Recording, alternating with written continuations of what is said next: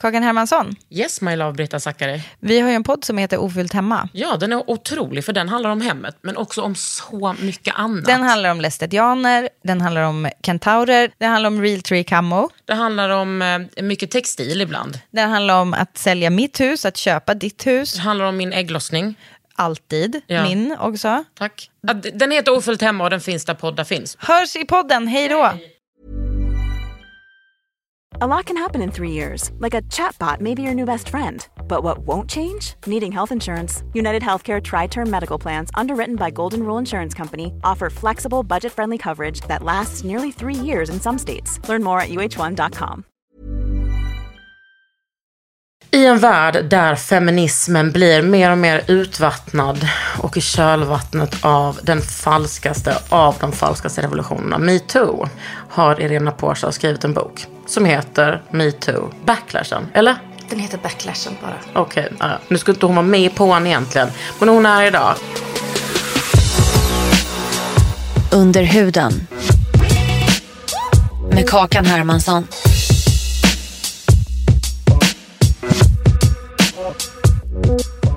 Välkommen Tack. Irena. Jag är så fucking bakis. Och jag är så arg. Och sen tog jag ett glas vin på lunchen. Och det är ingenting jag brukar göra, så tro inte att jag har problem. Nej. Men du vet, jag har längtat så mycket efter att podda med dig. Jag tycker det här känns som en bra uppladdning. Tack. Hur mår du? Jag mår bra. Ja. Ja, jag ska gå på semester snart. Jag är så taggad. Ja. Jag har inte haft semester på två år. Du är chefen på eh, Veckorevyn. Mm. Det är helt sjukt. Tänk att du gjorde det omöjliga. Du politiserade Veckorevyn. Ja. Ehm, ja, eller liksom, det hade ju börjat lite. Men jag hade jobbat så mycket med nyheter. Så jag var så här, varför inte göra liksom politik på veckis?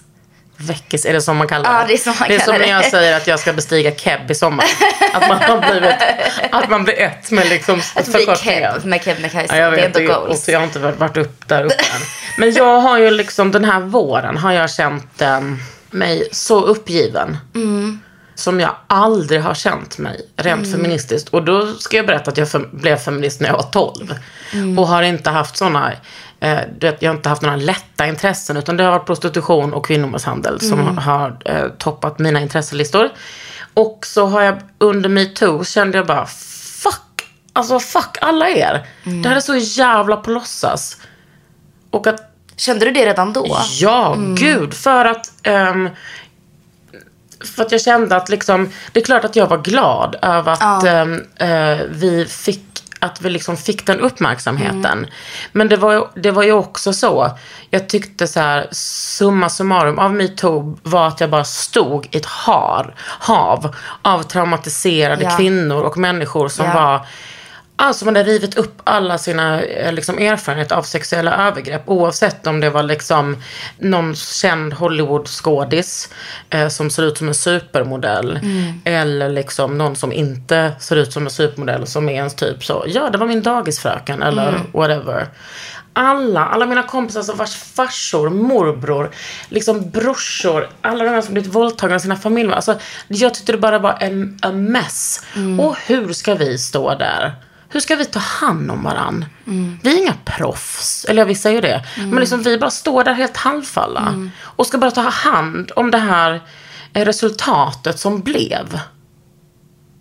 Ja, och jag, det var ju exakt så det var. Och jag tycker att vi liksom pratar lite för lite om det. Vi pratade om metoo som någonting enkelt. Som någon, Ja. någonting enkelt att skriva metoo och att riva upp sina egna trauman. Men det kostade ju oerhört mycket. Ja. Vad var dina, eh, vad var dina alltså, tankar under metoo? Liksom, när, det, när det kröp fram?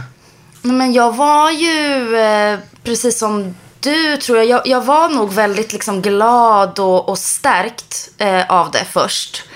Ehm, men jag minns också att det var liksom extremt känslosamt och tungt också. Alltså att jag vet att när man, man kan liksom inte gå in på telefonen utan att bara vittnesmål, vittnesmål från okända, från ens bästa vänner, från vet, folk man trodde att man visste vad de hade varit med om. Och det enda hoppet man hade var typ att någon skulle åka dit och att, någon, alltså, liksom att en förövare skulle åka dit och att den här kvinnan skulle få upprättelse. Men det hände ju så himla, himla liten skala. Och jag var ju liksom inne i mediebranschen då. Jag jobbade ju på Bonnier då. Eh, och märkte ju ganska snabbt att så här, okej, men det börjar ju väldigt tidigt komma kritiska röster kring det här. Och vad, vad var liksom de första kritiska rösterna som du tänkte, ah, ja nu kommer det? Alltså det började ju pratas om, jag vet liksom inte exakta liksom, så personer nu, det står i boken. men, men det började ju komma redan i liksom, oktober, november. Och det här, alltså, det började i oktober 2017. Så kom det ju så här, vi måste vara försiktiga med folkdomstolen. Det här eh, kommer eh, eskalera i en häxjakt. Hela den här liksom systemet av eh, liksom patriarkatets varningssystem sattes ju igång. Ja, ehm, och ibland liksom förklätt i någon form av omtanke om pressetiken och, och journalistiken som jag tyckte skorrade ganska falskt ofta. Eh, så jag blev ganska uppgiven ganska snabbt ändå, men jag var ändå väldigt liksom glad och inspirerad över det ansvaret medierna tog i början av metoo. Ja, och att man, man ville ju, i alla fall jag, eh, all, absolut precis i början. Då, då tänkte jag liksom, alltså för outningskulturen har funnits i min kultur, typ punkkulturen. Att man, eh, man outade män i olika liksom, hemliga grupper och så blev han avstängd, han fick inte komma. Och såklart har det inte alltid varit så. Eh, utan det har ju berott helt på hur manstillvänd kulturen har varit. Och ja, men jag har befunnit mig i många olika kulturer, liksom rapkulturen, eller liksom hiphop-communityt. Jag har befunnit mig i så här, eh, liksom, den autonoma vänstern. Eh, Och i alla kulturer så har ju det funnits övergrepp. Och eh, alla har behandlat detta eh, olika. Det har, det har funnits, jag tycker kanske mer i punkscenen att det har varit det bästa liksom. Att man har ställt hårda krav. Men de här männen har ju som alla andra kulturer har ju kompisar. Ja. Och flickvänner eller fruar och systrar. Och man kan, nej han kan inte ha gjort det. Eh, och jag, jag tänker att så här, manssolidariteten är liksom eh, ponnyn som drar hela patriarkatet på sin fina släde. Så är det. Och Ja. ehm, fler än man tror är ju en del, eller vi alla är ju egentligen på Ja. olika sätt olika involverade i det här dragandet. Eh, liksom. Och jag upplever också att de, det var därför jag ville skriva den här boken, att de senaste åren så är vi väldigt många som har dragits med i, i det där, om vi ska prata om det så måste vi problematisera, om vi, ska, om vi ska prata om sexuellt våld så måste vi liksom också säga att det var fel att hänga ut den här och den här personen. Ehm, och det där gör vi för att vi vill visa att vi har självinsikt. Men det enda vi gör är ju att liksom tappa fokus från det rörelsen borde vara egentligen. Och, och det, att det kanske handlar mer om en identitet att visa sig vara påläst och duktig.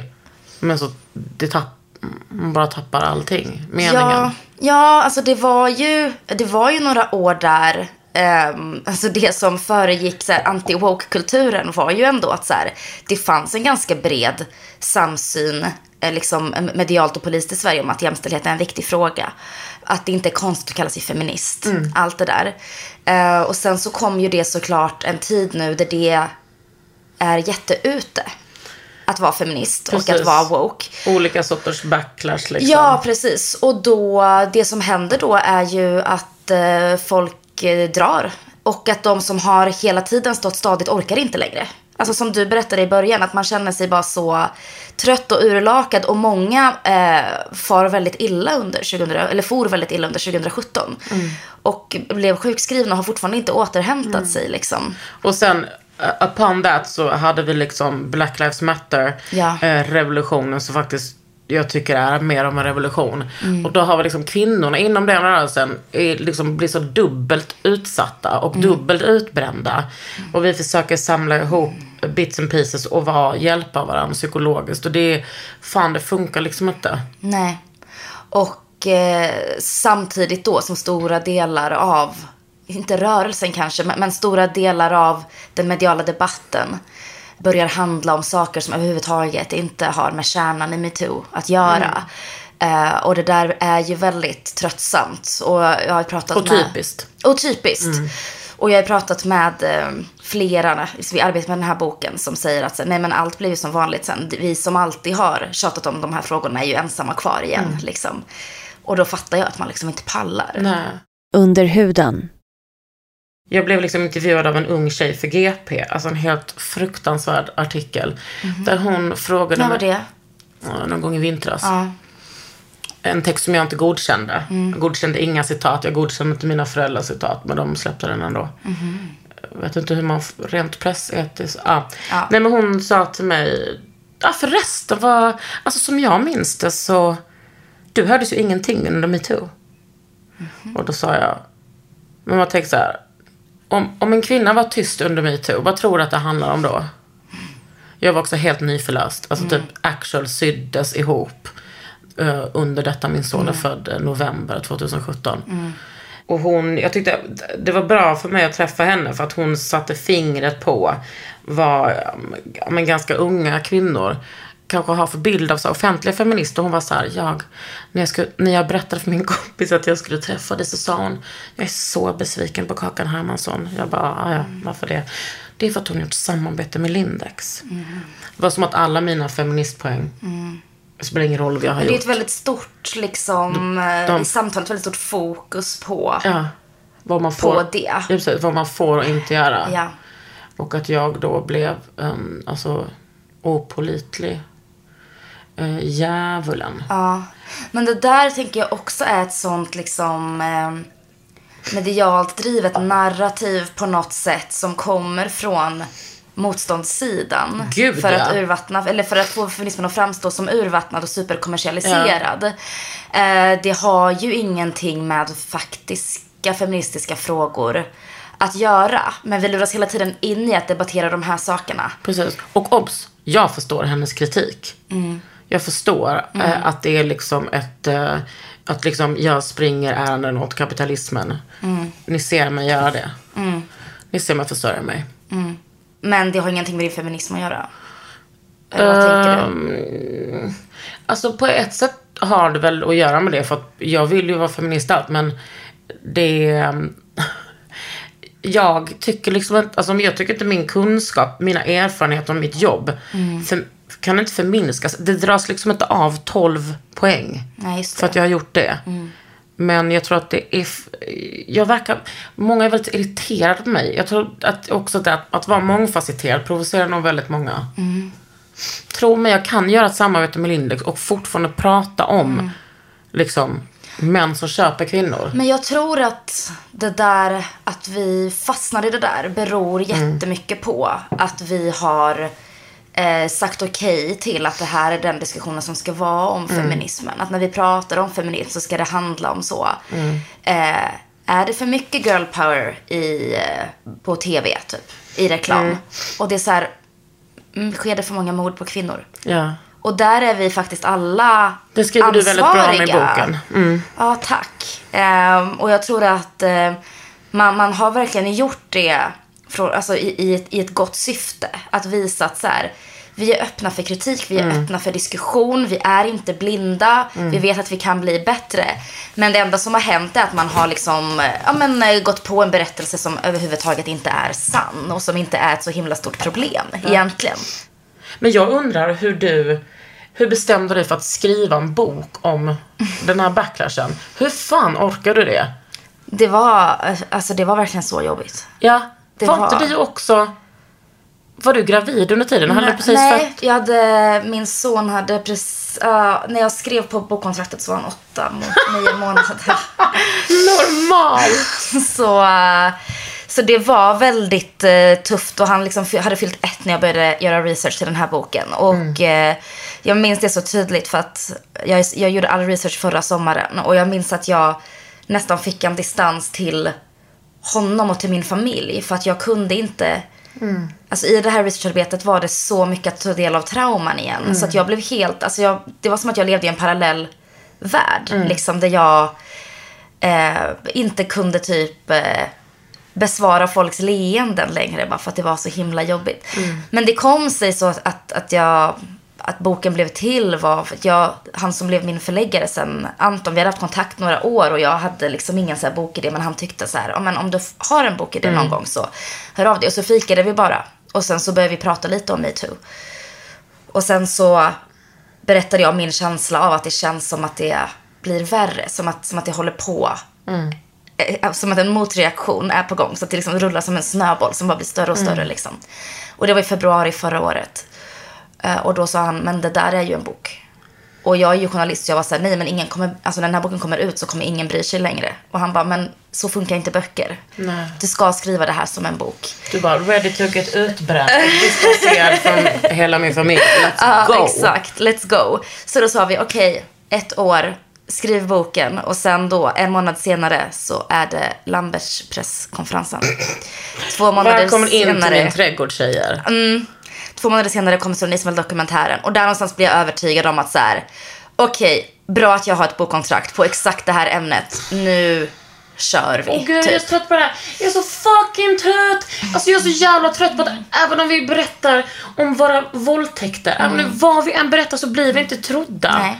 Alltså, och det har kulminerat med Amber Heard Ja, men jag tänkte säga det. Är, Nu går vi bakåt, bokstavligt talat alltså, går vi bakåt. vikingatiden är vi nu på. Nej men också hur, för att jag, och jag tänker på, nu är inte jag lika känd som Amber Heard, men hela den här grejen med att folk pratar om en och man tror att man inte, hon kommer inte läsa det eller vad, i, jag, jag var inne på något sånt meme-konto och, ehm, och kommentaren, det var någon tjej som, som bråkade med en kille. Så bara, it's giving me Amber Heard. Alltså du vet, att det är så här, det är en nivå på misstro mot offer, kvinnliga offer, som är liksom jag, jag, jag vet första gången i mitt liv inte vad jag ska bli av. För jag känner inte heller att vi har en likristad, likriktad feminism längre. Och därför blev jag så jävla glad när jag läste din bok. För jag känner, you're out there. Och det här var en bok där jag höll med om allting och det var så jävla skönt. Tack, vad glad jag blir. Nej men jag blir så jävla glad för att du har orkat skriva den här boken. Det är ju, alltså det, och det vet ju du eh, mycket väl, men det kostar ju idag att hålla i den här övertygelsen om att Sverige inte är bra nog och att kvinnor behandlas som andra klassens medborgare. För att det enda man får kastat tillbaka är, kolla hur mycket som har hänt, kolla hur bra du har det jämfört med andra. Ehm, och att vi ska fira minsta lilla seger. Eh, Men det finns ju ingenting som säger att det måste gå så här långsamt bara för att det alltid har gått långsamt. Det är ingen naturlag Nej. som säger att det liksom på hundra år har hänt, att det ska ha hänt Nej. så lite. Och sen tycker jag också att det är som, nu kommer jag ju från djupaste liksom, när jag var yngre, djupaste, mörkaste liksom radikalfeminister har vi varit. Och det var, eh, eh, det var pre-transphobic. Ehm, där vi kartlade män, olika instanser, men på ett sätt som när vi såg den sanningen och pratade med folk som inte var lika alltså insatta som vi, det kan vara kvinnor också och andra feminister, där man, man framställs som ett freak. Ja. För man framstår hela tiden som paranoid. Är du svart och säger att du upplever rasism så får du höra, nej men vi har inte så mycket rasism, eller svart eller du rasifieras. Man blir matad av att det inte är så farligt. Hela tiden. Ja, alltså jag är ju 0% förvånad över att eh, eh, några recensenter kallade min bok för konspirationsteoretisk till exempel. För att jag, för att när jag satt och skrev den så tänkte, så jag tror också jag nämner det i boken. Jag bara, ibland känns det som en konspirationsteori. Och det är ju, patriarkatet är inte en konspirationsteori men den fungerar ju som en konspirationsteori. Patriarkatet Liksom. är ju liksom vär, jag bara, Sveriges smartaste, världens smartaste uppfinning. Ja, precis. Och, eh, och jag vet att så här, 2022 nu så, så kallas den boken konspiratorisk. Men jag är helt övertygad om att vi kommer se tillbaka på de här, den här tiden efter metoo. Och se att det var exakt så här beräknat eh, det var, hela den här motreaktionen. Och hur många som drogs med. Men det är exakt, man, man kallas paranoid, man kallas för konspirationsteoretiker. Att man ser hot som, som egentligen inte finns, att man inbillar sig. Och det gör ju att man tror att man är galen. Och det har ju kvinnor kallats genom alla tider. Ja. Det är därför jag i den här boken har velat gå tillbaka i historien och titta på. Okej, ehm, är det verkligen vi som kräver för mycket? Gick metoo för långt? Ja, de tyckte suffragetterna också gick för långt som ville ha rösträtt. De tyckte 70-talets kvinnorörelse i USA gick för långt för att de ville liksom arbeta. Ja. Och här i Ehm, Sverige för att de ville ha sina barn på dagis. Ja, precis. Och de kallades alltid för, för galna, som ville för mycket, som aldrig kunde nöja sig. Så det där är verkligen en sån grej som vi aldrig får gå på, att det ligger någon sanning i. att vi vill för mycket. Och hela tiden att liksom kvinnor som är feminister blir hetsade och hotade att Alltså inte bara mordhotade, som, en sån, alltså, som man blir lite då och då, utan också det krävs mycket för att säga nej till mansolidariteten. På det sättet att man tar ställning till att inte vara knullbar, ett flickvänsmaterial, utan vara en person som tänker de här tankarna. Det, det är liksom, det känns som att man är på högstadiet igen.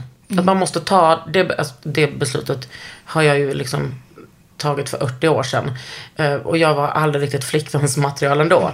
Men att liksom, det krävs en, allt det vi har lärt oss om att vara män till lags. Ja. eh, för livet blir ju lättare Ja. med mäns stöd. Så är det verkligen. ju. Eh, eftersom vi, vi lever i den värld vi lever i. Mm. Ehm, men eh, vill man vara en del av det? Fuck no. Fuck no. Och det som jag, och det finns ju ändå liksom, du, du kan ju, det finns ju några typ schyssta killar. Mm. Får man väl välja dem? Ja, det är faktiskt inte helt omöjligt. Nej. Men det finns ju en eh, liksom bland... ehm, ja men ef- efter Me- metoo så, så fanns det ju en hel del liksom högljudda kvinnliga röster som ju också väldigt tydligt gick patriarkatets ärende i hur man pratade om andra kvinnor. Eh, Åsa Linderborg är ett exempel, Lena Andersson är ett annat exempel.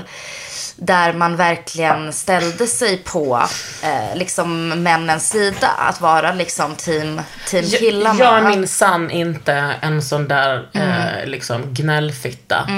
Jag är minsann inte, och, och där eh, tar man ju också beslutet att ehm, även där tar man ju beslutet att vara så här, jag har minsann inte blivit våldtagen för att det kan jag minsann kontrollera. Mm. Är man så dum att man bla bla bla, trots att jag menar jag känner inte en enda kvinna som inte har varit med om sexuellt övergrepp på något sätt. Men jag, jag märkte, jag tror att varför jag märkte tidigt i hela metoo var för att jag pratade med en tjej som var väldigt involverad i det här. Så sa jag, så berättade jag för henne, och den här personen vill jag verkligen ehm, ska åka dit eller outas. För att jag vet att han har begått minst tre övergrepp. Och detta sa jag i förtroende till henne. Och detta berättade hon för eh, liksom en killkompis som berättade för den killen. Ja, Och sen det så fanns ju ett antal sådana situationer Jo, tack. under metoo. Mm. Eh, och det, det genererade i sånt, liksom i en sån eh, medial, eh, liksom eh, gick bakvägen och typ skrev en sån taskig recension om ett tv-program jag var med. Alltså det var liksom så, det var skulle säga nu ska det hämnas. Och då var jag så här. Då, var, då förstår jag verkligen så, aha, den här personen är inte ens rädd. Nej. Den här killen som är liksom, som har erkänt för de här tjejerna att han har begått ett övergrepp. ehm, pratat om det med andra. Han har, han är liksom inte ens rädd. Utan han, han, han, det viktigaste för honom är att han får hämnas. Och är män inte rädda, det var det hela metoo han, handlade om för mig. Ja. Män är inte rädda, då har vi inte vi kommit någonstans. Under huden med Kakan Hermansson. Quality sleep is essential. That's why the Sleep Number Smart Bed is designed for your ever evolving sleep needs. Need a bed that's firmer or softer on either side? Helps you sleep at a comfortable temperature? Sleep Number Smart Beds let you individualize your comfort so you sleep better together. JD Power ranks Sleep Number number 1 in customer satisfaction with mattresses purchased in-store. And now, save 50% on the Sleep Number limited edition Smart Bed for a limited time. For JD Power 2023 award information, visit jdpower.com/awards. Only at a Sleep Number store or sleepnumber.com. One size fits all seemed like a good idea for clothes Nice dress. Uh, it's a it's a t-shirt. until you tried it on. Same goes for your healthcare. That's why United Healthcare offers a variety of flexible, budget friendly coverage for medical, vision, dental, and more. So, whether you're between jobs, coming off a parent's plan, or even missed open enrollment, you can find the plan that fits you best. Find out more about United Healthcare coverage at uh1.com. That's uh1.com. Varför tror du att det här inte eh, kom ut någonstans? Eh, för att Eller han och, och han och många andras sådana väldigt tydliga... För Övergrepp. att ehm, jag tror att så, eh, men just att, ja men åter till manssolidaritet, solidariteten. Att vi har killar som gemene person eh, som, inte är som inte är kritiska nog. De skyddar de här männen och de vågar inte ställa dem mot väggen och man Vänskap är ju liksom Det är så himla svårt att politisera det och att man ska, och att man ska Ja, Det finns ju en väldig sån skräck idag. Så här, ska jag behöva bryta med den? Alltså det var ju väldigt tydligt Mm. i dokumentären om Soran. Liksom att det var så här, man kan inte tvinga folk att sluta vara kompisar med någon bara för att de blivit anklagade för saker. Men vi lägger väldigt mycket vikt vid det och väldigt lite vikt vid liksom hälsosamma vänskapsrelationer. Speciellt boys emellan. Mm. Och också bara, men varför, det är väl ingen som har tvingat dig? Också bara, så det är inte som att feminismen kommer skicka ett brev och bara Halloj Måns Möller, Mm. eh, nu är det dags att ta avstånd, ja eller nej. Utan du får göra det själv, vad känns Mm. bra för dig?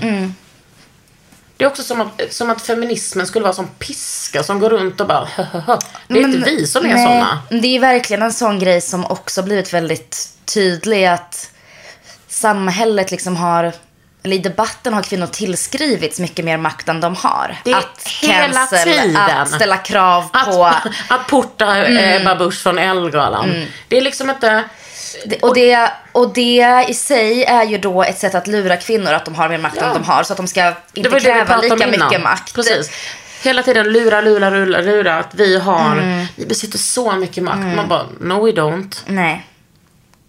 Nej. Och då får man ju kolla på lite siffror. Hur många eh, av alla anmälda våldtäkter Mm. går till rättegång? Hur många blir dömda? Alltså det är fortfarande, och då, då har vi inte ens, alltså jag vågar nästan inte ens prata om korrumperade liksom rättssystem, korrumperade poliser. Jag kan inte ens prata om polisen utan att folk blir galna. Men alltså vi har... Alltså Sveriges rättssystem har ju fått kritik av FNs kvinnoorganisation. eh, För att det i princip råder rättslöshet här. För Ja. våld i nära relationer och sexuellt våld. Och det måste ju bero på att vi hela tiden, eh, bland annat, att vi reproducerar bilden av oss själva som inflytelserika. Mm, jag tror det. Jag tror att det hänger eh, jättemycket hänger ihop med det. Och att väldigt många kvinnor identifierar sig själva som, eh, som starka, som feminister, som kapabla. Vilket de ju är. Men det i sig är ju inget skydd för att drabbas av olika typer av patriarkalt våld. Men det är svårare att identifiera sig tror jag ibland som ett offer om man är eh, feminist och om man har en Precis. väldigt stark tilltro till sin egen förmåga. Eh, och då, det, man blir liksom dubbelbestraffad på Ja, något sätt. men så här är det också. Vi har ju en sån otroligt stark våg av nyliberalism som har bara penetrerat allting i vårt samhälle. Som det, där, det absolut värsta som finns är att vara ett offer. Och det, och det syns ju liksom i, i liksom alla sammanhang. Jag kommer ihåg en, en gång när jag var ute, alltså det var typ 15 år sedan. Jag var tillsammans med Eh, mitt ex Rosmarie. Vi var ute på typ en klubb på, um, där på um, hon, hon, Götgatspucken. Fanns det Ja, det är en klubb. Uh, Och då så var det en kille som tafsade på henne och han tafsade på en annan tjej också. Jag typ så puttade till honom eller slog till honom. Och det var inte mer med det. Då kom den här tjejen fram till mig som hade blivit tafsad på och bara Du behöver inte försvara mig. Jag kan göra det själv. Jag är inget jävla offer. Jag bara wow, just det. Och det är ju också toppen för patriarkatet att man ska vara rädd för att vara ett offer. Det är det bästa ja, de kan det är göra. det absolut bästa. Ja, alltså att vi använder offer som skällsord är ju... Eh, jag tror att det är en av de största hoten Absolut. mot eh, faktisk eh, jämställdhet. Ja, och inte minst när man kollar på mansrörelsen Mm. eller pojkrörelsen. Hur fruktansvärt det är att prata om sig själv som Mm. offer. Och eh, alltså nu, bara på de senaste året känns det ju som att eh, manliga idrottare har börjat prata om sexuella övergrepp på ett sätt som vi, som bara liksom Patrik Sjöberg har gjort. Verkligen på sitt sätt. Och vad han nu håller på med nu med att jaga pedofiler. Men att det är, eh, det är ju liksom, det är så fult att vara svag och det är så fult att vara ett offer fast man inte kan kontrollera det narrativet alls. Nej men det som är grejen är väl att om vi skippar bullshitten och verkligen inte går med på det narrativet om den svenska feministiska rörelsen som finns idag och den kritik den får och bara tittar på hur många kvinnor det ändå finns i Sverige som är villiga att offra jävligt mycket för att få till förändring. Det såg vi under 2017. Hur många som vände ut och in på sig själva för att skapa förändring. Tänk då vad vi kan åstadkomma. Vi måste bara genomskåda den här skiten som vi har liksom låtit oss distraheras av. Precis, och jag ska bara säga, alltså i detta nu, när vi spelar in det här avsnittet så håller vi ju på att genomskåda det. Mm. Ja, och hoppas jag tror man kan, det. För jag tänker mycket en del av antirasismen, feminismen och liksom krossa transfobin och allting. Det är att bara eh, hålla med andra som har samma analys. Och bara, vet du vad? Mm. Exakt. Du är inte paranoid, du är inte galen. Det du känner är inte fel. Mm. Sen är inte feminism eh, en känsla. Att bli förtryckt är inte heller en känsla, det är Mm. actual facts. Och det får inte vi eh, heller glömma. Mm. Jag föreläste på en, eh, en jättestor konferens i Karlstad som alla som jobbar med eh, jämställdhet så- och genusfrågor. Det som var nu häromdagen. Ja, precis. Och då sa jag till dem att så här, om det känns som att det är extra tufft just nu så är det för att det är det. Ja. Det, det är en tid där det är extra tufft. Men Mm. det betyder också, du sa innan att så här, du vill att killar ska vara rädda. Det som är det positiva av det här. Alltså, vill och vill. Jag- jo men man alltså, vill att de ska känna att något står på spel på något sätt. Exakt, man vill, Ja. halloj. Ja. Och så här, hade de inte känt sig hotade hade inte motreaktionen varit så här stark. Nej. Det betyder att jävligt mycket har hänt. Mm. Om de inte såg oss som ett hot, då hade inte de brytt sig om att motarbeta oss så mycket. Så det är faktiskt en positiv grej. Det är bra att du säger detta Irena. Vad har du liksom, vad är din eh, bakgrund? Jag frågar som att jag inte vet. Nej, men du är, du är flykting va? Ja. ja. Jag är född i Sarajevo 92. Ehm, Är du född 92? ja. Jag fyllde 30 i år men jag hade corona. Otroligt att du är liksom, nej hade du, nej, ja, ja. En sån ung feminist. Jag blir, eh, eh, jag blir lycklig av att tänka sådana tankar. Det är, eh, vi är många Ja. eh, unga feminister Gud. som är övertygade feminister. Ja. Liksom, eh, oavsett vad de äldre feministerna tycker och tänker och hur mycket Nej, all, att all, ni... hur mycket all, liksom all kapitalism inom feminismen smetas på oss. Så är det väldigt många som är så här, fuck det vi kör. Det är unga feminister som har fått till samtyckeslagstiftningen i Sverige. Mm. Alltså, det är, det är en jätteviktig reform till exempel. Mm. Du föddes 92, det var brinnande krig. Ja, aj, det blev krig när jag var tre månader. Mm. Så jag och min mamma flydde först till Kroatien. Sen kom pappa dit efter några månader och sen kom vi till Sverige 93. Mm. Och då hamnade vi i Växjö. Otroligt. Denna metropol. Ja. Denna småländska metropol. Otroligt. Kom du dit med eh, dina föräldrar? Ja, Mm. och sen föddes min lillebror 94. Och sen så gick jag hela skolgången i Växjö. Gick du på katedral eller? Mm. Of course. gick med ex. Samhälle, kultur. Mm, ready for the world. Men vad hade du för liksom, hade du identiteten som, eh, som flykting hela din uppväxt? Mm, det hade jag ganska mycket. Jag hade ju eh, det mycket lättare än andra. Jag är ju eh, kanske Sveriges vitaste flykting. Alltså jag är så blek. Du, Jag har brun utan sol nu. Oh wow. Ja, så du fattar. Ja. Eh, nej, men, och jag har ljusa ögon och jag har alltid haft ljust hår. Det är klart att det har underlättat Mm. jätte- jättemycket. Men min familj ser inte riktigt ut så. Mina föräldrar bryter. Min lillebror ser verkligen ut som en jugge. Han ser ut som alla som spelar i Hammarby liksom. Inte. Och det är äckligt att sexualisera din lillebror. Men, jag- jag- jag men du vet, det. tänk dig, en, Ja. tänk dig en redig jugge liksom. Men jag såg ju på nära håll hur, hur eh, kämpigt det var och hur mycket fördomar Mm. Det här är också så jävla möter och- typiskt. Att du direkt när jag pratar om din flykt börjar liksom ursäkta dig. Ja, jag är white passing men, eh, men det kan väl vara jobbigt ändå. Ja, det var jobbigt ändå. Ja. Ehm, men, men jag var förskonad från liksom direkta påhopp. Mm. Så. Ehm, men men eh, desto mer såg jag ju strukturen. Liksom. Mm. Och jag tror att det faktum att jag tidigt såg den gjorde det också lätt. När jag blev introducerad för feminismen så var det lättare för mig att ta till mig den. Mm. För att det på något sätt handlar om att synas strukturer. Alltså båda Mm. de grejerna hänger ihop på väldigt många sätt. Liksom. Hur var det liksom att vara en ung feminist? Alltså jag var, jag jag blev nog inte feminist förrän på gymnasiet. Eller Ja, jag, det är jag, ändå ganska ungt. jag förstod nog inte vad feminism var förrän gymnasiet. Nej. Liksom. Och jag hade själv ett väldigt, eh, en väldigt kritisk syn på kvinnor också. Alltså att jag kunde verkligen vara så, åh hon är en sån fjortis, varför klär hon sig så, varför, varför har hon tagit nakenbild, du vet. Eh, eh, Alltså verkligen var en, en stor del av, av problemet. Och det var inte förrän jag liksom upptäckte feminismen som jag såg vad jag själv hade gjort. Alltså på vilket, del jag, på vilket sätt jag själv hade varit en del av det. Och det var väldigt smärtsamt att i tvåan, trean på gymnasiet upptäcka det. Men det gick också väldigt snabbt att vända. Alltså när jag väl såg det så var jag så här, men gud. För då är det som att gå på typ så här hot lava. Man bara oh my god jag är dum i huvudet. ja, exakt. What the fuck. Men jag kommer ihåg en gång när liksom en tjej sa till mig bara "Ha- Hallå man snackar inte skit om andra tjejer. Jag bara va? Hon bara du sa om någonting och hon jag bara Aha, hon bara, alltså det gör man inte, man är feminist. Jag bara, alright. ja, Eh, och hon, var också, hon läxade upp mig så jävla mycket med olika saker för hon hade liksom varit punkare så jävla mycket längre än jag. Och hon bara så här, hon bara, har du 500 spänn över? Jag bara, eh, ja vadå? Hon bara, min kompis ska inte betala hyran. Jag håller på att dra ihop eh, pengar till henne. Jag bara, men jag känner inte henne. Hon bara, det spelar väl ingen roll. Solidaritet. Jag bara, alright. Förde man över 500 spänn så ett konto man aldrig liksom hade. Nej, och det är ju det, alltså alla... Jag, jag tänker så här, om man ska vara ren krass så tror jag att senaste fem åren så är det många som kallar sig feminister eller som tror att de är feminister som har betett sig så eh, på samma sätt som jag betedde mig då Gud, på ja. högstadiet liksom.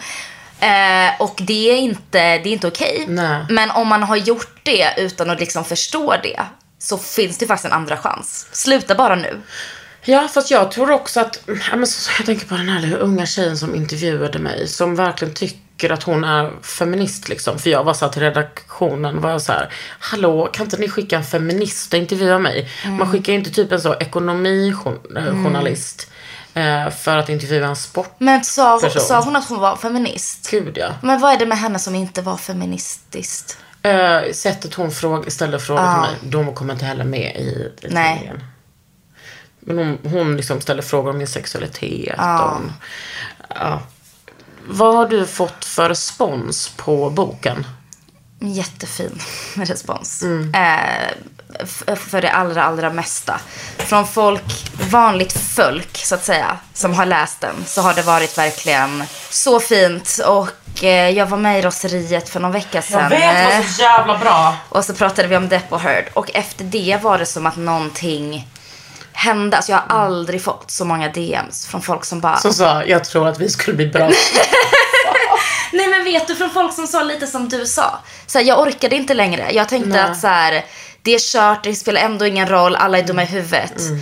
Och sen så lyssnade jag på det här och så läste jag din bok och så kände jag så här, fan vi är skitmånga. Stopp, Ja. vad är det jag gör Ja. just nu? Och vet du vad jag tror med dig? Jag tror att du, du är också väldigt smart och har väldigt mycket kunskap och bra analys. Du sätter ord på det väldigt många inte vet att de känner eller inte, kanske inte kan artikulera. Ohöga hästar jag sätter oss två på. Men nu är det bara så. Det här är min podd, inte liksom... Ja. Nej men jag blir eh, väldigt glad. Det är, det, det är den finaste feedbacken. Eh, Jag skriver rätt mycket krönikor och så. Den finaste feedbacken jag vet är när folk säger det var exakt så här jag kände men jag visste inte Mm. Men det att det. var så. Och det tror jag, det tror jag har en eh, enorm eh, förmåga att, att förändra om vi, om vi pratar på det sättet med varandra. Ja. Där man ser varandra och försöker sätta ord på känslor. För att har man ord på det så är det mycket. Typ när, när folk fick ett ord för vad som på, höll på att hända med Amber Heard. De var fortfarande få som var på hennes sida. Men när man fick ord för det så var det ändå lättare att prata om det. Och när vi får ord som beskriver motreaktionen, ord som beskriver backlashen, ord som beskriver den här frustrationen. Det språket är jätte, jätteviktigt för att vi ska kunna komma framåt. Vad tror du händer om, när vi, om vi tittar tillbaks på det här om fem år? Mm.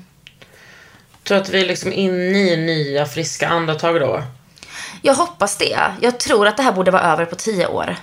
Den här motreaktionen vi är i. Jag tror i alla fall att fler, vi kommer ha många fler exempel att ge till de som ännu inte är övertygade om att det här är den tiden vi är inne i nu. Eh, och jag tror och hoppas verkligen att eh, vi som feministisk rörelse har eh, bestämt oss för att inte gå med på den typen av debatter som vi tvingas in i just nu. Och bara det kommer göra en sån enorm skillnad tror jag för hela liksom klimatet för att vara feministisk debattör men också viljan att engagera sig i feministiska frågor. Eh, det kommer vara som dag och natt. Jag tror verkligen att vi kommer se en skillnad snart. Bra. Gud vad skönt. Så vi, men vi, det är, Alltså det är Det första är gången i hela nu. mitt liv som jag känner så här. mm, jag vet, det, och du är inte ensam. Det är jättemånga som känner så här nu. Typ apatisk feminist känner jag mig som. Att jag bara. Men vet du, vi har inte tid att vara apatiska. Nej, men jag är ju uppenbarligen inte apatisk. Nej. Det är bara att jag är förvånad över känslan. Ja, jag vet. Jag vet. Eh. Och det var väldigt mycket liksom den feedbacken jag också har fått. Mm. Att folk bara, ja, jag vill inte, jag orkar inte. Och sen bara, okej, fan, jo, Ja, nu men- jävlar, jag vet, Man får känna till. så i, i några minuter så brukar jag Ja. alltid tänka. Och sen så bara samla era kloka vänner Mm, och kör. och kötta på. Och, och jag tänker så här, de, jag tänker att de flesta som lyssnar på den här podden Mm. är feminister. Eh, och sen finns det säkert några som kallar sig feminister som inte är det. Men jag tänker Mm. first and foremost, syna din mansolidaritet. Ja, det är så jävla viktigt. Ja. Varför eh, lyssnar du mer på män? Varför Mm. avbryter du kvinnor mer? Varför, eh, varför tycker du inte att det är intressant? Varför är det så jävla gött med uppmärksamhet från killar? Mm. Och jag menar, vi har faktiskt också ett val om tre månader. Än så länge har vi inte pratat om mäns våld mot kvinnor i en enda eh, partiledardebatt. Nej. Vi har lite saker att göra och Det är, lösa. liksom, det är liksom så låg status. Det har ju blivit det. Mm. Det är ju inte, det är inte coolt med metoo. Det är inte coolt med feminism längre. Ehm, Nej, men det är ju som att vi är några sådana där rödstrumpor igen. Det har liksom gått ner sådär. Vad, vad tar du med dig för otroligt från den här boken? Jag tror att det viktigaste för mig, från, från den där liksom totala förlamningen och ångesten som jag berättade om att jag kände i början, så märkte jag liksom hur det övergick i någon form av ilska. Och jag, jag är väldigt eh, driven av ilska. Det är bra för mig. Känna Same. ilska. Ja. Eh, men, men framförallt tror jag att det som var det mest positiva för mig var liksom insikten kring att så här, nej det är inte vi som har gjort någonting fel. Det här är ett tecken på att vi har gjort någonting rätt. Den här motreaktionen. Och det betyder bara att vi ska fortsätta som vi har gjort. Känns När, när vi har gjort, när vi har varit som, som argast och som mest högljudda. Eh, historien visar oss att det är då vi har lyckats. Och nu ser vi exakt samma sak efter 2017. Så det gav faktiskt något på det sättet. Eh, och det är inte vi som är galna. Det är inte vi som kräver för mycket. Eh, det finns bara en väg liksom. Och det är bara att göra det. Vi vet redan hur man gör. Det är bara att fortsätta göra det liksom.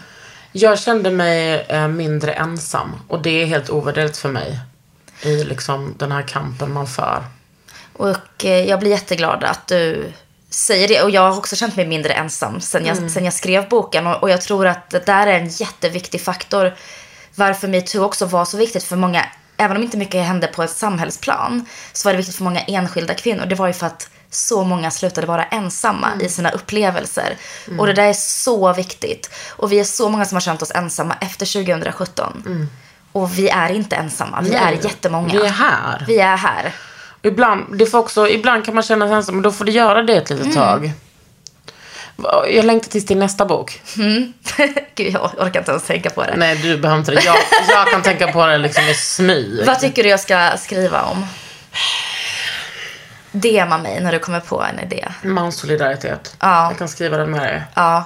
Alltså jag tänker att ehm, den psykologiska aspekten av mansolidaritet Mm. som bara förpestar vårt samhälle. ja, det är ju en försvarsmekanism för kvinnor. Precis. Jag, och jag kan män. verkligen förstå det. Och för män. För att allt blir lite, lite lättare. Finns det något, eh, liksom, alltså män som, det älskar män på ett sätt som är, och jag tänker så här, en, när jag träffar killar som hatar andra killar, jag bara wow, det är så Ja. bra. Men till, till och med det här med typ så hur man, jag, jag intervjuade så han, Stefan, han som har skrivit incel. Just det. Mm. Och han, var ju, han skulle ställa lite provokativa frågor till mig. Och sen så sa han, han bara, men jag har faktiskt kommit fram till att de här incelen, de hatar inte kvinnor, de hatar andra män. Och Jag tänker så man kan inte skriva en sån bok om inte man har en genusanalys. För det är så, de hatar ju andra män för att de får knulla de tjejerna de, de inte Ja, de hatar ju andra män för att andra män får kvinnor. Precis. Inte för att de är män. Ja, men gud. Ja, då är ena Kakan löst ett till problem. Ja. Ja. Du har lyssnat på Under huden med mig, Kakan Hermansson. Och Irena Pourjar.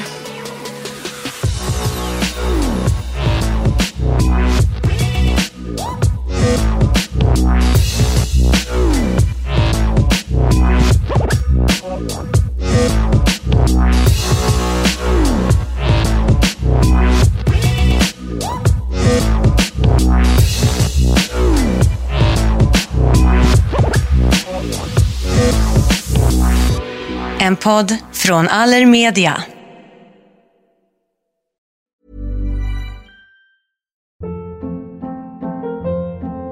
Hold up. What was that? Boring. No flavor. That was as bad as those leftovers you ate all week. Kiki Palmer here, and it's time to say hello to something fresh and guilt-free. Hello Fresh. Jazz up dinner with pecan-crusted chicken or garlic butter shrimp scampi. Now that's music to my mouth. Hello Fresh. Let's get this dinner party started. Discover all the delicious possibilities at hellofresh.com.